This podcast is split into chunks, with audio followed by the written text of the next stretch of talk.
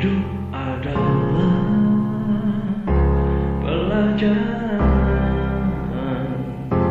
Mencari hikmah kehidupan.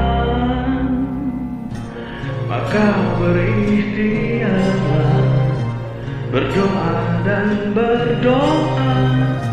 Jalani hidup